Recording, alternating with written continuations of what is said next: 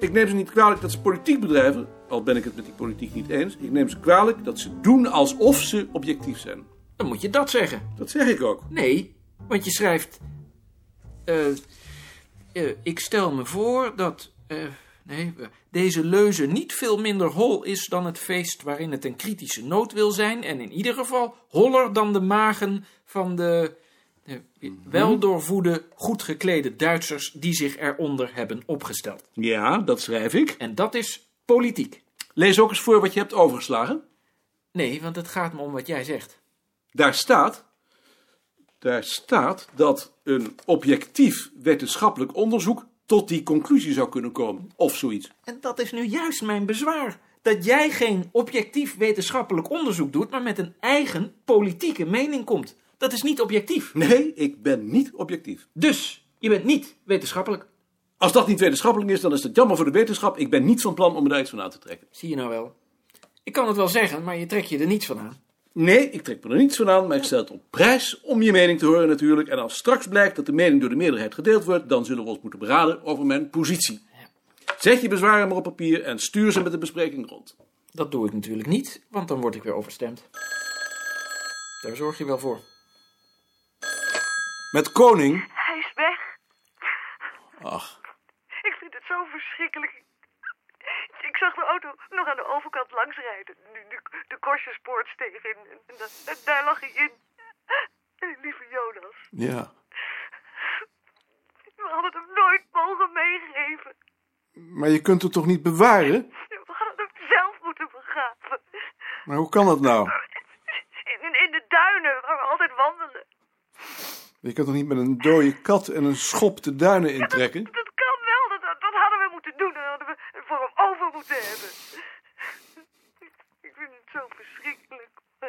Ik, ben- ik ben zo uit mijn doen, ik weet niet meer wat ik moet doen van verdriet. Ik, ik, ik hield zoveel van hem. Ja. Ik kom naar huis. Ja, Kom alsjeblieft naar huis. Ja, Ik ben er zo. ja, ja, kom maar naar huis. Tot zo. Ik neem de rest van de dag vrij. Jonas is dood. Nu net, Nee, gisteren. toen je bij Beerta was. Nee, ik was net thuis. Hoe ging dat dan? Hij mouwde plotseling een paar keer heel hard en toen viel hij om en ehm, probeerde zich te verstoppen. Toen is hij de gang ingelopen. Daar viel hij neer, schreeuwde nog een paar keer en toen is hij gestorven. Erg, hè? Ja, erg. Ik vond het erger dan toen mijn vader en mijn moeder stierven. Gek, hè? Ja. Zeg je ook tegen Bart dat ik vandaag niet meer terugkom? Tot morgen.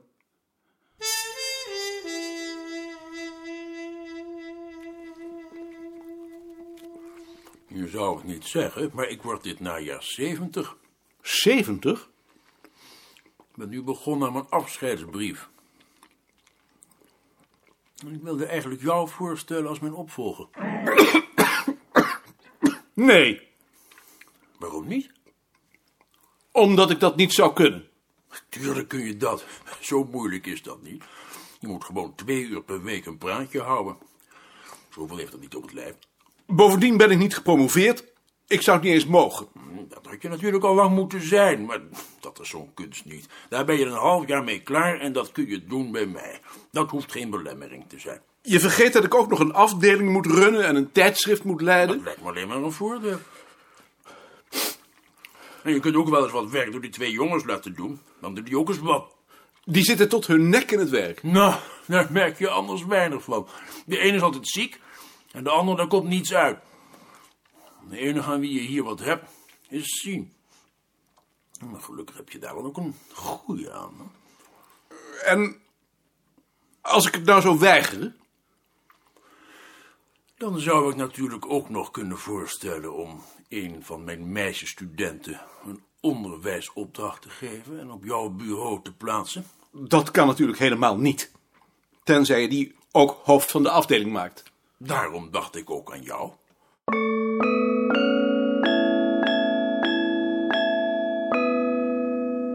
Ik wou eigenlijk even met jullie allemaal praten. Kan dat? Waarover wou je praten? Buitenrust Hettema gaat met emeritaat. En hij wil dat ik hem opvolg. Nee. Ja, dat heb ik ook gezegd. Maar dat kan toch helemaal niet? Daar heb je toch absoluut de tijd niet voor? Dat heb ik ook gezegd, maar hij zegt dat hij dan zal voorstellen om een van zijn meisjesstudenten op ons bureau aan te stellen met een leeropdracht. Zien zeker.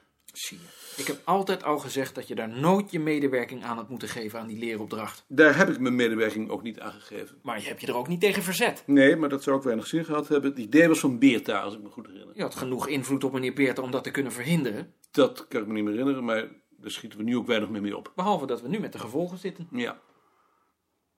Maar mijn vraag is dus of jullie nu tijd hebben om erover te praten. Ik heb altijd. Willen jullie dan even de meisjes erbij halen? Dan haal ik muziek en Mark. Waarom moet Mark daar ook weer bij? Omdat Mark in de redactie van het bulletin zit en je het een niet los van het ander kunt zien.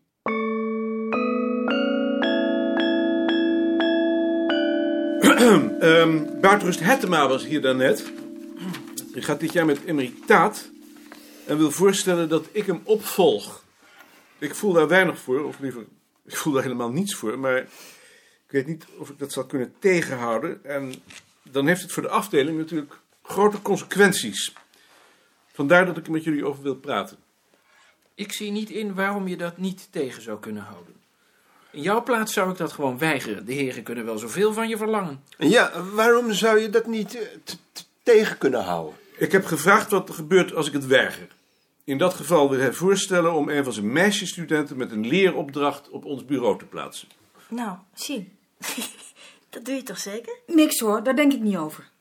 Waarom zou je dat dan niet doen? Nee, ik, ik denk er heus niet over. Laat Maarten dat maar doen. Maarten is het hoofd van de Ik afdeling. begrijp toch echt niet waarom je dat niet zou kunnen weigeren. Ik kan het wel weigeren, maar als ze dan een student van buitenrust Hettema nemen, dan betekent dat dat die ook hoofd van de afdeling moet worden. Je kunt hier niet iemand aanstellen met een leeropdracht die niet tegelijk het beleid op de afdeling en de inhoud van het tijdschrift bepaalt. Spijt me, maar dat zie ik niet in. Jij moet natuurlijk hoofd van de afdeling blijven. Maar waarom zou jij het dan niet ook kunnen doen? Henk moet ook wel eens college geven en die heeft daarnaast ook zijn wetenschappelijke werk. Het probleem is dat wij geen vak hebben.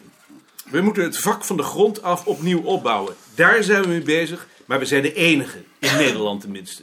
Dat betekent dat we ons in zulke colleges alleen kunnen baseren op ons eigen onderzoek. En daarbij moeten we dan nog studenten begeleiden. Ik zie niet hoe we het klaar moeten spelen. Daarvoor is onze basis te smal.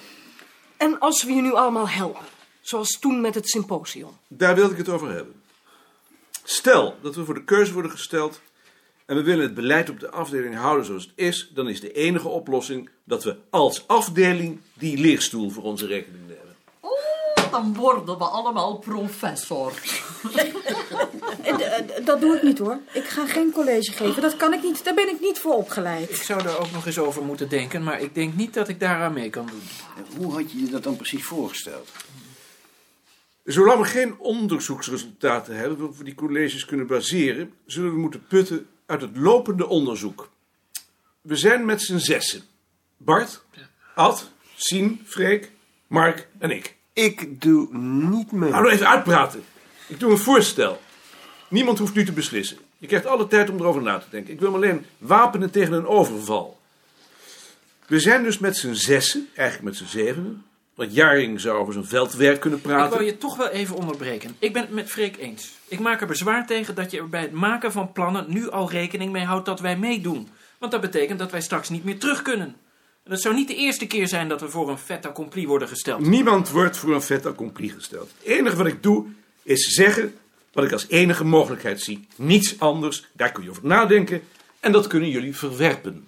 Daar hoef ik niet over na te denken. Ik, ik, ik doe daar niet aan mee. Dat is best. Als je dan maar inziet dat Buitenrust Hettema hier dan een van zijn studenten zet met een leeropdracht. dat is, interesseert me niet. Dat is jouw pro- hm, probleem. Als het alleen mijn probleem is, dan interesseert het me ook niet. We zijn dus met z'n zevenen. Ja, stel dat we met z'n zevenen zijn. Dan zou ieder van ons een maand over zijn onderzoek kunnen praten, werkgroepen begeleiden, studenten aanvullend onderzoek laten doen, waarvan het resultaat dan weer in het bulletin kan worden gepubliceerd. Dat zou betekenen dat de verantwoordelijkheid voor het overzicht van de tijdschriften en boeken zo snel mogelijk zou moeten verschuiven naar de documentatie. Bedoel je daarmee te zeggen dat de wetenschappelijke ambtenaren geen boekbesprekingen meer hoeven te schrijven? Nee, nee, nee, nee, nee. Je literatuur moet je bijhouden en ik vind dat je daarvan ook verantwoording moet afleggen. Bezuinigd wordt er op de controle, zodra dat mogelijk is natuurlijk, maar dat was, al toch- dat was toch al de bedoeling. Dan begrijp ik werkelijk niet wat het voordeel is van je voorstel. Het is nog geen voorstel. Het wordt pas een voorstel als de commissie het idee van buitenrust Hettema overneemt. Heeft iemand nog een vraag of een opmerking? Behalve dan dat Freek en Bart niet meedoen. Ik heb niet gezegd dat ik niet meedeed. Ik heb gezegd dat ik dacht dat ik niet mee zou doen. Ja, ik weet het. Neem niet kwalijk. Niemand? Denk er dan maar eens over na. Als het zover is, dan praten we er wel over.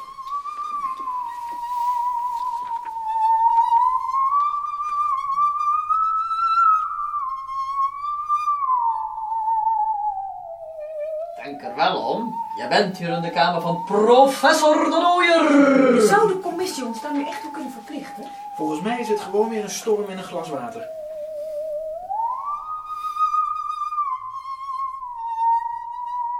Het leek of het bloed uit zijn hart wegtrok. Dat er achter zijn rug zo over hem gepraat werd, was bedreigend en maakte hem doodongelukkig. Hij was zich plotseling bewust dat hij tegen de dreiging van het voorstel van buitenrust Hettema hun loyaliteit gezocht had, beklaagd had willen worden. En hij schaamde zich zo diep dat hij het liefst in de vloer was verdwenen. Ha, Mark. Hi. Heb je even tijd? Jawel. Je was er gisteren niet? Nee. Buitenrust Hettema was er. Die gaat met emeritaat en hij wil dat ik hem opvolg. Heel mooi. Gefeliciteerd. We hebben daar gisteren over vergaderd. Volgens mij kan dat alleen als jullie een deel van de colleges voor je rekening neemt. Voel je daar in principe voor? Leuk. Leuk. Vind jij dat dan niet leuk? Niet iedereen vond het leuk. Wie dan niet? Freek, Bart, Sien. Oh, die? Nou, dan doen ze niet mee. Maar dan blijft er wel verdomd weinig over. Desnoods doen we het met z'n drieën, niet? Ik dacht erover om als eis te stellen dat we er één of twee wetenschappelijke ambtenaren bij krijgen. De bekende harde opstelling. Daar zou jij geen bezwaar tegen hebben. Integendeel. Maar denk je dat je die ook krijgt? Dat is de vraag. Of we zouden Balk moeten voorstellen om jou voor de volle tijd bij ons te plaatsen. Daar, daar zou ik even over moeten nadenken, maar eh, verwerpelijk lijkt me dat niet. Per slot van rekening werk je al jaren alleen voor hem, terwijl je eigenlijk in algemene dienst bent. Maar denk je dat dat indruk op hem maakt? Ik denk van niet. Zolang hij je nodig heeft tenminste. Dat dacht ik ook. Maar je verwerpt het niet op voorhand. Nee hoor. Het lijkt me heel aantrekkelijk zelfs. Goed. Als het zover komt, dan praten we erover. Eh.